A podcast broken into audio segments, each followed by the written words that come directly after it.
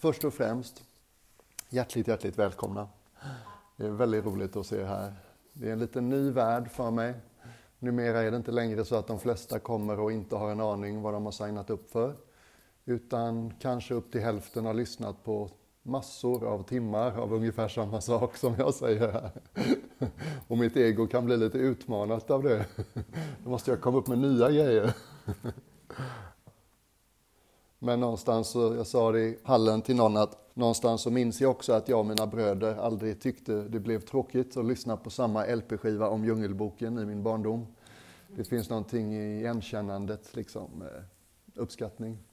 Och jag har förstått också genom att prata med er att det finns en stor bredd i erfarenhet och bakgrund vad gäller sånt här. En del har fått det i present och har ingen aning var de har hamnat. Och en del har lyssnat på, eh, någon sa att hälften av alla markeringar på Spotify, lyssningar du har på dina meditationer, de kommer från mig och min man. Så att eh, det finns ett brett spektrum. Och jag kommer att försöka att sträcka mig till alla förstås. Det blir ju förstås så att de som jag känner, eller de som har sagt att jag har aldrig gjort något sånt här och det här är helt nytt för mig. Jag kommer att tänka lite extra på dem. Rent praktiskt så kommer dagen rulla på med guidade meditationer, någon stående meditation gissar jag. Ett yogapass eh, vid tretiden i eftermiddag, kvart över tre. Yogapasset kommer vara av den typen att alla vi som tänker jag är stel och jag är inte en yogaperson, det är för oss. alla kan vara med, man behöver inte ens byta till liksom gympiga kläder om man inte vill heller. Och en del av oss har liksom väldigt sådär gympiga kläder på sig redan nu. Och ni som inte har det kanske undrar, vad är det jag har missat? Men det, det, är liksom, det är inte en, en dag i fysiska övningens tecken. Men yoga passar väldigt bra med meditation. Därför det är utvecklat som en fantastiskt fint sätt att vara närvarande i sin kropp och göra sin kropp bekväm till att sitta. Och det kommer finnas två rejäla stunder innan lunch och innan middag någon gång där vi pratas vid. Mm. Så att det kommer kanske bubbla upp frågor eller funderingar för dig under dagen. Då kan det vara bra att tänka på att den stunden kommer liksom två gånger idag när vi pratas vid.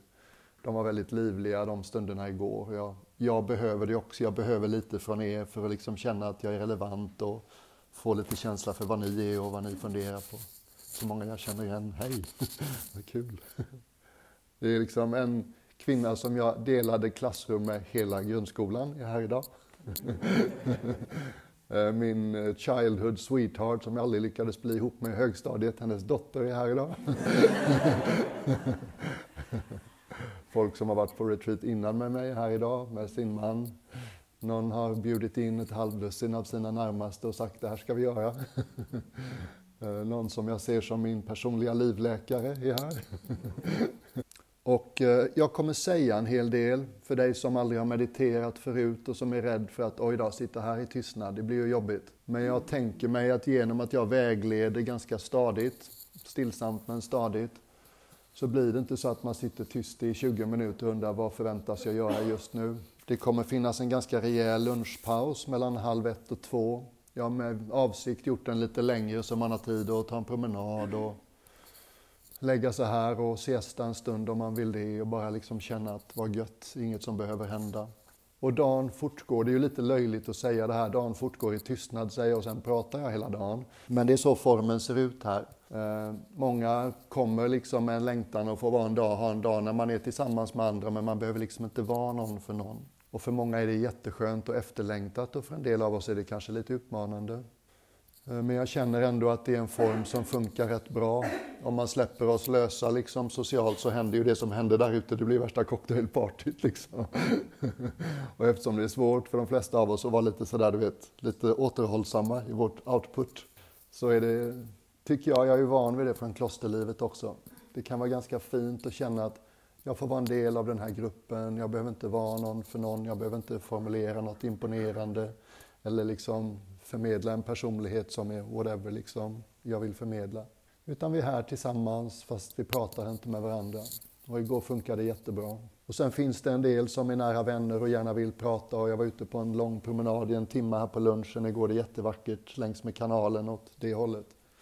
Och det är klart att de som var kompisar de smet iväg och tog sig en promenad och pratades vid och det är såklart okej, okay, är ni med?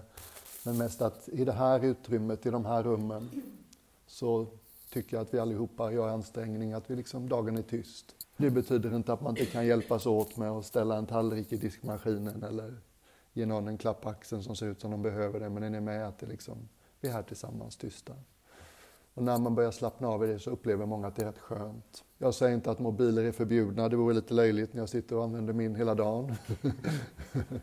Men eh, jag tror att alla av oss börjar känna hur stort inflytande de här skärmarna kan ha på våra liv. Här finns det en dag där det finns en möjlighet att lägga dem åt sidan. Och har du inte akuta saker du behöver vara tillgänglig för så är min rekommendation att låta dem få ligga. Mm. Och eh, efter middagen som blir ganska kort, för att jag vill att vi ska kunna sluta i vettig tid så alla hinner hem till sitt, så kommer jag avsluta dagen med ett föredrag som jag gjorde igår.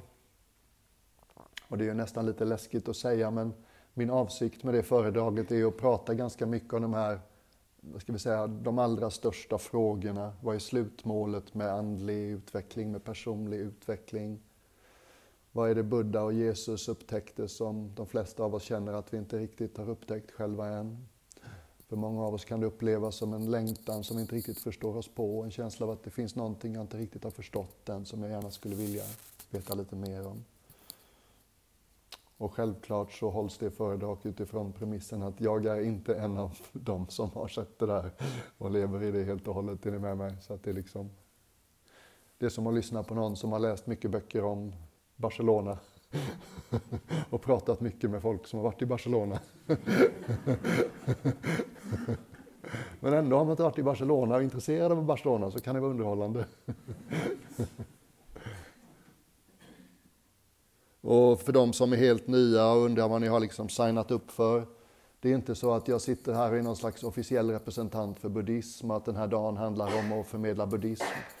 Utan vad jag är trygg i, det är min avsikt. Jag är här för att försöka dela med mig av saker som har funkat för mig. Och jag hoppas att det ska finnas igenkänning och stöttning i det för er. Eh, men det finns inget missionerande inslag. Jag litar inte på min förmåga, men jag litar på min avsikt. Mm. Min avsikt är, den är ren. Och, eh, jag börjar fundera på om jag måste ändra strategi, för att jag misslyckas alltid i ett avseende, kanske i flera, men i ett inte minst. Och det är att det är så lätt hänt när man kommer till en sån här dag och inte minst när man ser mig sitta så här, att man tror att meditation handlar om att sitta på golvet med benen i kors. Meditation handlar inte om att sitta på, benen, på golvet med benen i kors. Mm. Så det, vad vi gör är att vi vänder vår uppmärksamhet i vad som för många är en ganska ovanlig riktning. Inte så mycket till den här biten ovanför halsen utan snarare till biten under hakan. Och det är lite ovanligt för många av oss. Och det är stöttande om kroppen sitter still då, det är liksom en avslappnad position. Men det går verkligen precis lika bra på en stol. Och det är väldigt olyckligt om en sån där dag slutar med att man sitter och har lite ont mest hela tiden och liksom tvingas att dela med det hela tiden istället för att sitta på en stol och kunna slappna av och ta det lugnt. Och jag upprepar med en dåres envishet att enligt de buddhistiska legenderna så kommer nästa Buddha att ha sitt uppvaknande i en stol. och undervisa från en stol. Ja. Och att jag sitter så här, det är, det är nog mest för att jag har suttit så här varje dag i över 20 år och jag är bekväm med det. Och jag upplever att det är lite lättare för mig att inte somna för ryggraden hittar sin balans liksom. Men det är inte speciellt, du vet om knäna hänger högt så här hela tiden då blir det liksom spänt i höfterna och det kan göra ont i knäna och då blir det rätt svårt att vara bekväm. Så jag vill verkligen uppmuntra och vill du sitta på golvet så se till att lyfta upp stussen ordentligt så att benen kan få komma ner lite. Och även när vi sitter här, jag hoppas alla förstår att allt är såklart, vad heter det, frivilligt idag. Känn inte att du måste vara med på allt. Känn inte att du inte kan gå ifrån om du behöver det. Ibland måste man liksom gå i rummet mitt under en meditation och händer det så händer det. Behöver du flytta dig under en meditation så gör det. Gärna tyst men ändå liksom skifta din position. Blir man trött på att sitta så kan man stå en stund, funkar fint. Blir du väldigt sömnig så kan det vara bra ögonen lite öppna när vi släpper in ljus och liksom blir vi påminda om att, ja just det, det här handlar inte om att sova. Mm. Jag är själv lite sliten idag. Jag har haft en ganska intensiv period och hoppades på en god nattsömn men eh, gudarna stod mig inte riktigt bi i det.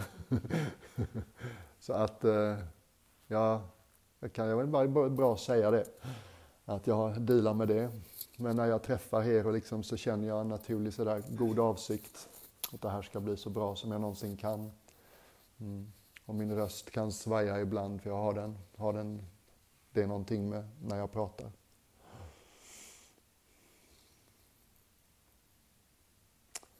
En sak som är värd att säga, som jag sa igår också, som kan låta lite konstig om du är alldeles ny på sånt här, det är Det är lätt att tro att vi är oskrivna ark när vi kommer hit, fast det vet vi alla att vi inte är. Vi bär på saker. Och ibland så innebär livet och vårt inre att vi inte hinner med och processa och känna saker medan de händer. Så de flesta av oss bär på saker som vi inte riktigt har upplevt färdigt eller små karmiska paket som finns kvar där. Och en sån här dag händer det inte så mycket. Man får all uppmuntran och känna liksom mer i hjärtat och i kroppen. Och då kan de här små paketen liksom brisera. Så det händer i stort sett varje dag jag gör sånt här. Att det finns perioder när någon sitter och gråter tyst i rummet. Mm. Eh, det kanske inte är sorg som är det som du bär på, ibland kan det vara ilska. Om du upptäcker att du blir alldeles vansinnig på att personen intill dig andas för högljutt så finns det förmodligen en god sannolikhet att det inte handlar om personen intill dig. Utan att liksom, den där lite eldiga energin som vi kallar ilska, att du bär på lite sånt som inte har fått blåsa ur och kännas. Mm. Så det är bara ett lite klumpigt sätt att säga, om du i den här yttre formen som ju är ganska tråkig. Det är svårt att göra en dokusåpa av den här dagen som blir liksom får några tittarsiffror. Det är ganska odramatiskt, en grupp människor som sitter och går och huvudsakligen är tysta. Fast ändå tror jag att de flesta av oss kommer uppleva ett visst mått av drama inuti. Och jag vill bara understryka att skulle det vara så att du liksom genomförs av känslor som är starka som du inte riktigt förstår, så skulle jag säga att det är ett gott tecken. Mm. Det betyder att det finns tillräcklig närvaro i ditt system för att möta det som inte riktigt fanns kapacitet till innan. Och de andra människorna hjälper oss med det. Det är någonting med att meditera i grupp. Det är mycket lättare att vara närvarande när man har 30 människor omkring sig som också är närvarande. Och det gör att vi kan känna oss själva lite mer fullödigt än vi är vana vid. Och effekten av det kan vara att en stark känsla liksom är med oss en stund. Och min uppmuntran om du till exempel skulle ha en massa sorg som bubblar upp, så är min uppmuntran att stanna gärna i rummet. Det här är den bästa platsen för att möta sånt. Jag har en växande övertygelse om att allt de där svåra känslorna behöver egentligen bara mötas. Och idag finns den kapaciteten mer än nästan någonsin. Och min tanke är liksom att ser vi någon som sitter och gråter tyst så behöver vi inte trösta och sådär utan de flesta av oss tycks vilja få vara i sitt och bara känna att det är okej, okay, här kan jag sitta. Mm. Och jag ber om ursäkt om det låter konstigt för dig som aldrig gjort något sånt här men det händer nästan varje dag så jag tänker det är bättre att bara lägga kortet på bordet.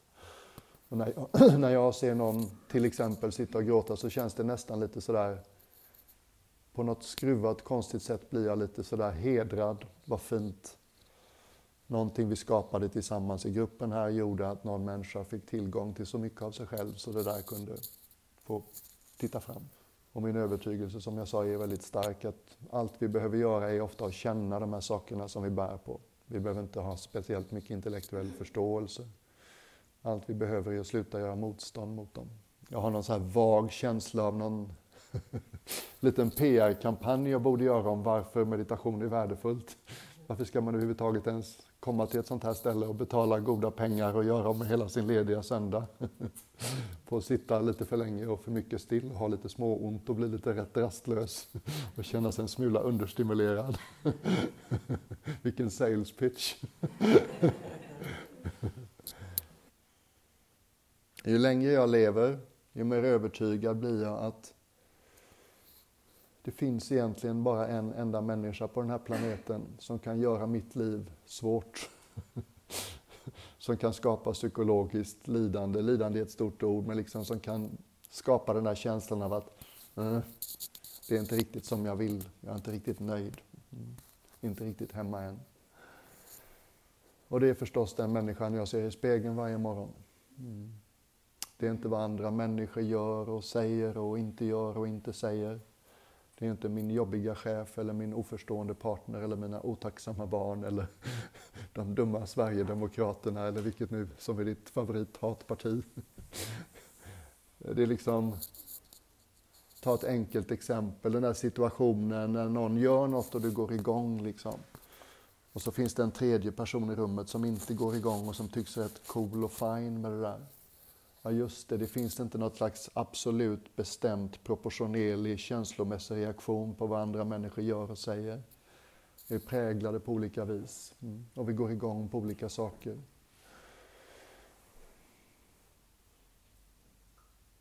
Och det som gör att livet blir tungt och svårt upplever jag är huvudsakligen att jag tror på tankar jag tänker. Som tar mig till en plats där jag går i motstånd till verkligheten och där det blir jobbigt att vara jag. Mm. Och de kan förstås se ut på många sätt. Men en av dem det är tankarna som har ordet borde i sig. Mm. Han, hon, de, ni, jag borde vara, göra, känna på ett annat sätt. Mm. Och det är nästan lite komiskt tycker jag Tänk efter, liksom, hur får ni inte den positionen? Det är som en slags gudsposition vi tar. Människor borde vara. Whatever. Ja, visst, jo, men blir det mer som du vill för att du går och tänker att det borde vara så? Har någon på jobbet eller hemma någonsin blivit mer som du önskar att de vore för att du går och bär på outtalade invändningar om hur de är? Är ni med mig? Han, hon borde vara mer eller mindre si eller så. Mm.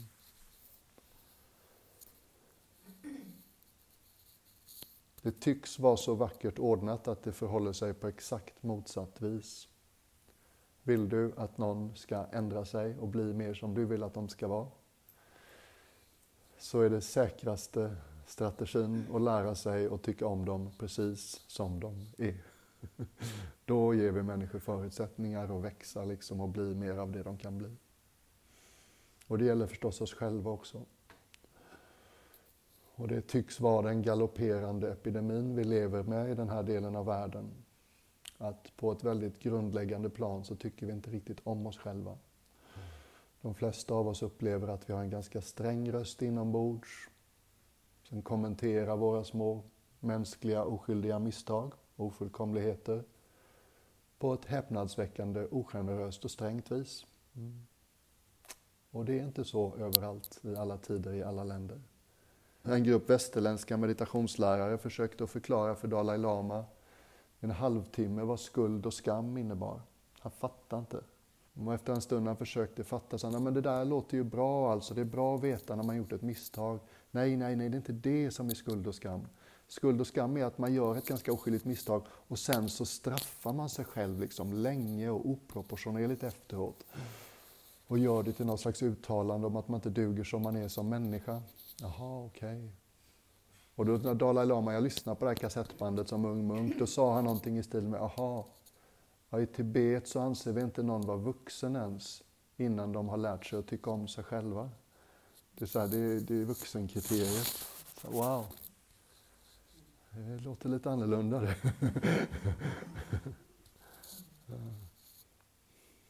Så det är min målsättning med dagen.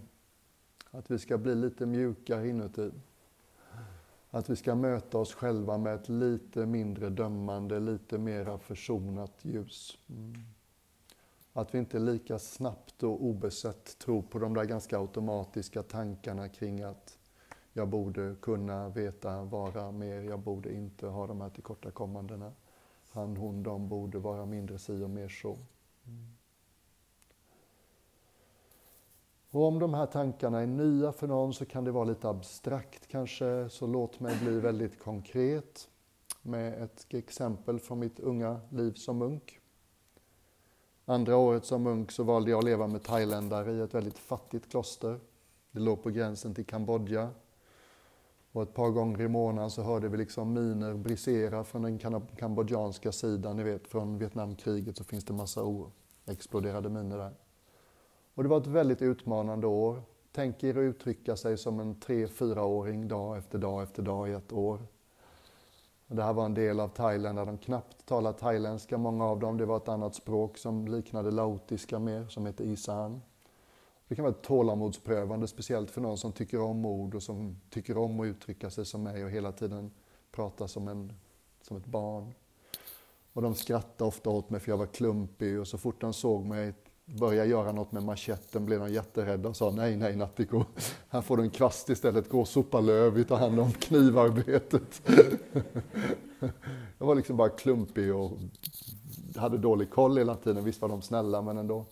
Och inte nog med det, det här klostret hade den sämsta maten jag någonsin har ätit och som munk så får man äta en del riktigt dålig mat. Men under året med dem så fick jag bland annat prova grillade gräshoppor, som är något godare än det låter. Grön myrlarvscurry som faktiskt är mycket godare än det låter.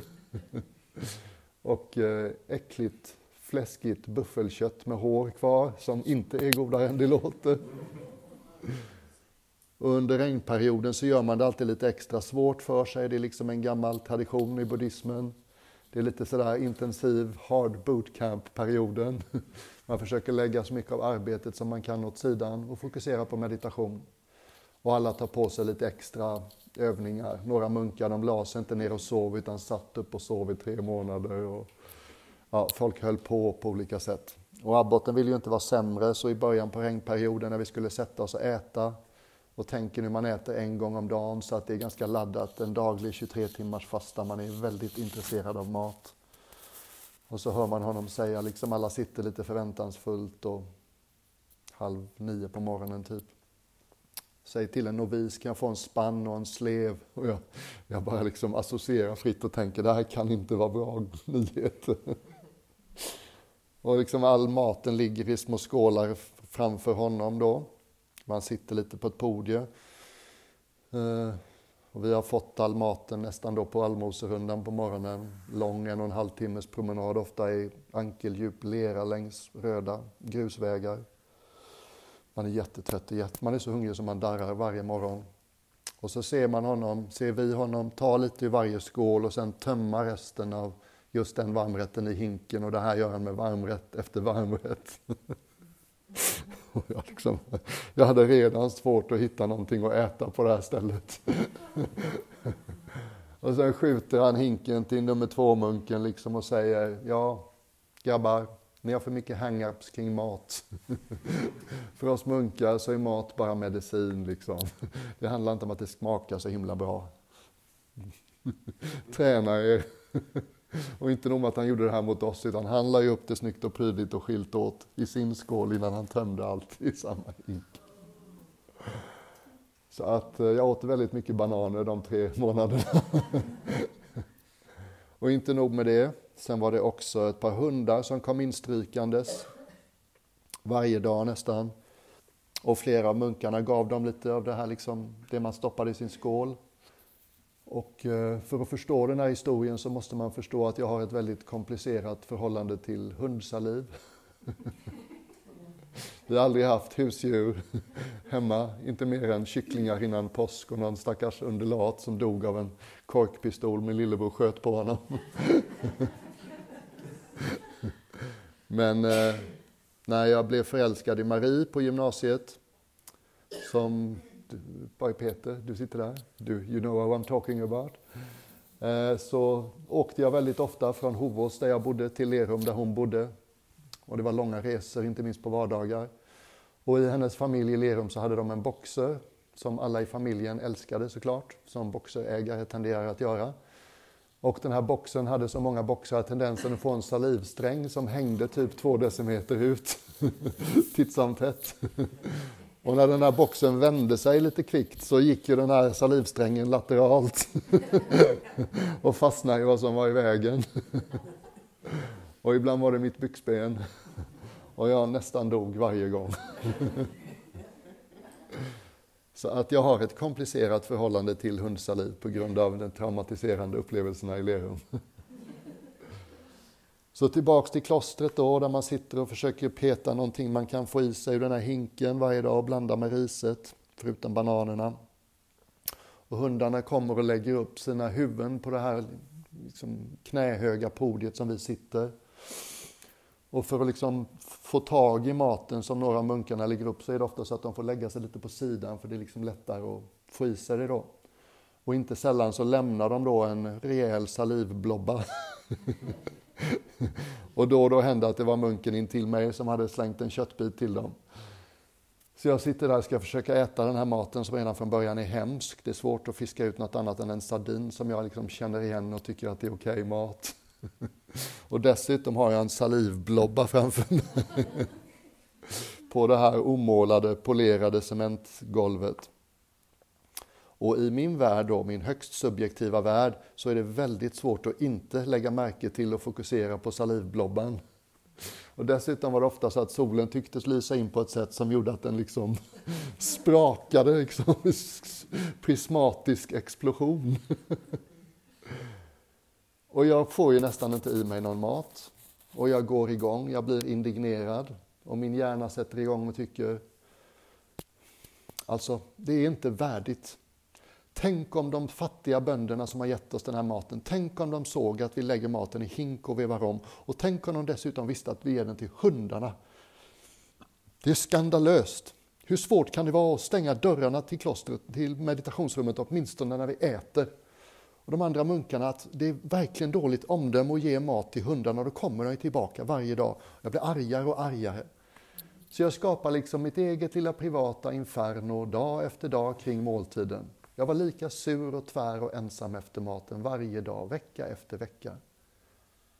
Tills jag till slut liksom hade tillräckligt mycket närvaro för att lägga märke till hmm, de andra munkarna tycks vara rätt okej okay med att hundarna eh, får lite mat. De andra munkarna tycks vara glada och nöjda efter maten ändå fastän vi alla måste fiska ur den här hemska spannen för att hitta något att äta.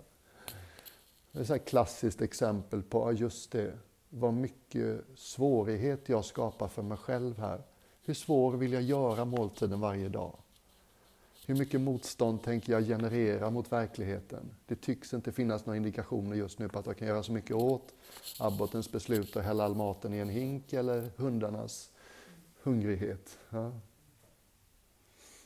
Och det var ju egentligen inte så himla farligt. Det här var bara, jag gjorde en sån stor grej av det genom att följa alla tankarna som hade invändningar mot verkligheten. Är ni med?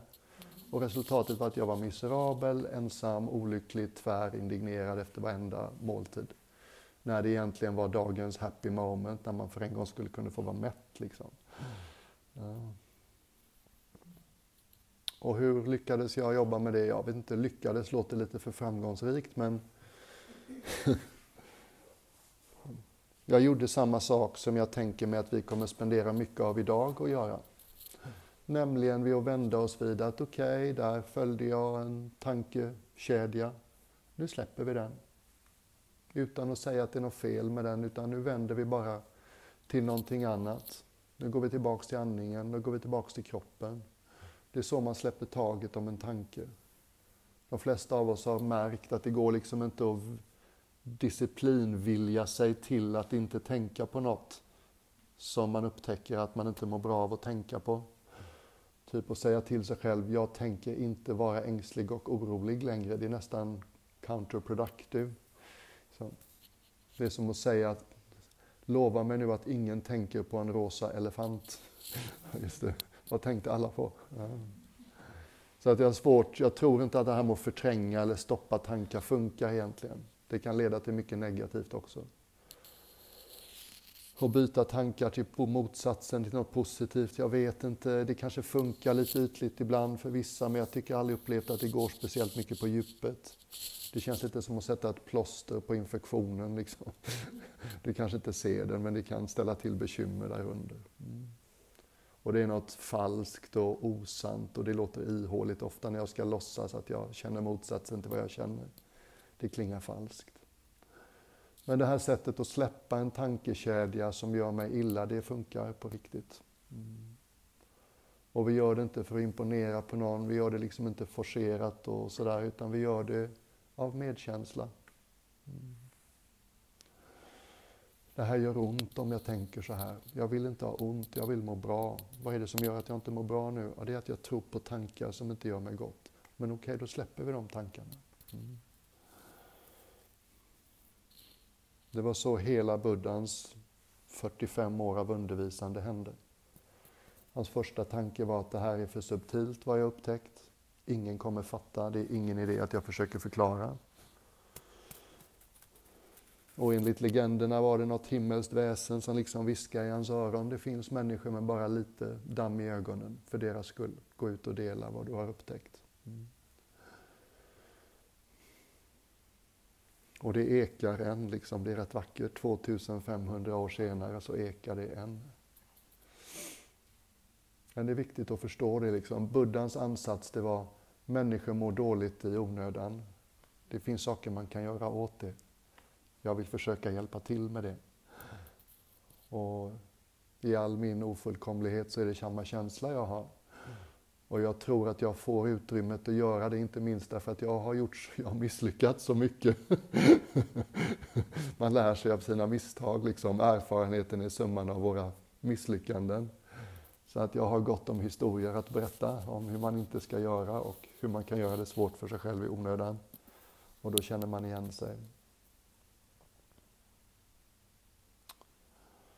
Jag försöker att vi håller den tonen. Liksom. Vi är inte här för att imponera på någon, vi är inte här för att göra en snygg Facebook-status.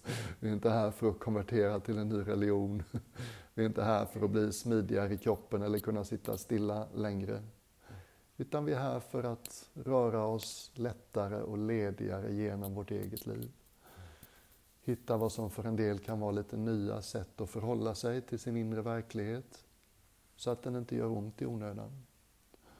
Och för en del är det gammalt och ni har hört det här hundra gånger innan och ni är här ändå för ni vill bli påminda om det och vill träna på det idag med. Och för en del är det nytt. Mm. Och jag kan också erkänna att det kan låta ganska enkelt på ett filosofiskt plan. Och de av er som är föräldrar, ni vet hur förtvivlat uppenbart det är när ens barn har fastnat i ett tanketåg som gör dem illa. Om man inte vill något hellre än att de ska sluta att tro på vad de tänker. Jag är inte populär, jag får inte vara med. Jag är inte tillräckligt snygg. Jag är inte tillräckligt rolig. Jag har inte tillräckligt fina grejer. Mm. Jag är inte tillräckligt duktig i skolan. Ingen tycker om mig. Mm. Mina kompisar vill inte vara med mig längre. Alla de här hemska, tunga, svåra upplevelserna som de flesta av oss tvingas vara med om. Och när vi ser det utifrån, liksom från en kärleksfull förälders position, så är det så tydligt. Aj, aj, aj, vad ont, vad den tanken gör dig illa. Och den är ju inte ens sann, men just nu så tror du på den och det gör det ont. Och det är lätt att släppa taget om andras tankar. Det är inte så lätt att släppa taget om våra egna. Därför våra egna har det här fingeravtrycket. Jag, mig, mitt liv. Och det gör dem hypnotiska. Mm.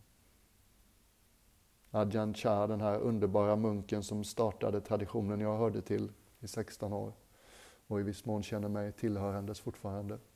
Han var ganska bred, väldigt kärleksfull och radiant, vad heter det, liksom hade han en utstrålning. Väldigt brett ansikte, väldigt brett leende. Hur kunde vi inte kalla honom the bullfrog, paddan? han sa sådana underbara grejer som att en skogsmunks eller en skogsnunnas liv handlar, till, handlar om att handlar till 99, eh, handlar om att släppa taget och att i 97 procent av fallen inte lyckas. är ni med?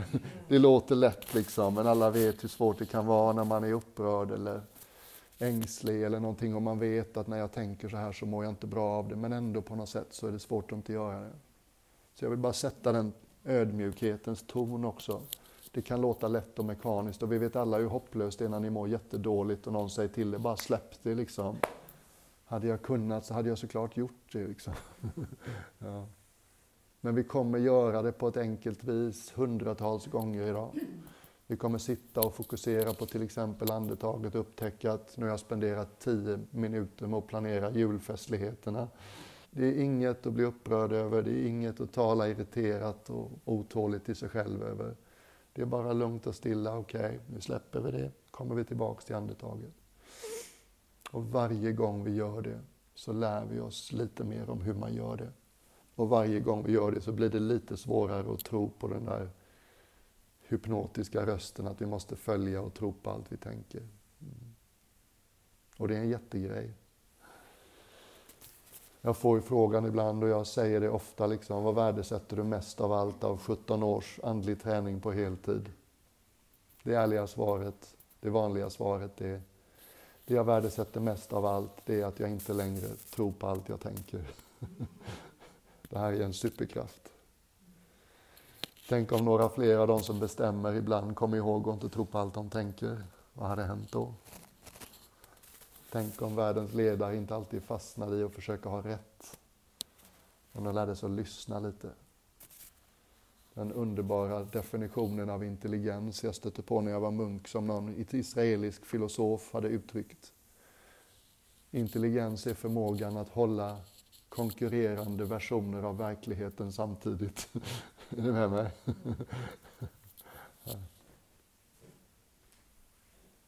Så att allting blir bättre för mig och andra om jag vänjer mig lite mer vid att inte obesett och automatiskt tro på allt jag tänker. Om jag lite oftare kan komma ihåg att jag har ett val. Jag kan följa de här tankarna, jag kan släppa dem. Och det är kanske konstiga och stora ord att ta i sin mun, men jag skulle säga att det här ger oss värdighet. Det finns en fantastisk värdighet i att inte längre automatiskt tro på allt man tänker.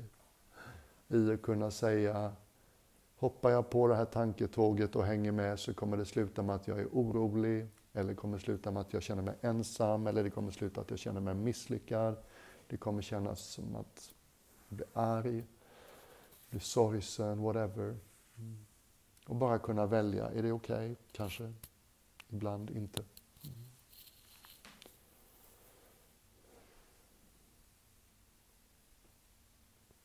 Så det var min lilla sales pitch om värdet av meditation och värdet i att förhålla sig till sitt inre liv med lite mera humor, lite mera skepsis, lite mera ödmjukhet. Mm. Är ni med? Mm. Jag gick igång här, jag vet inte riktigt vad som hände. Ni lyssnar så fint så jag blev präst eller något.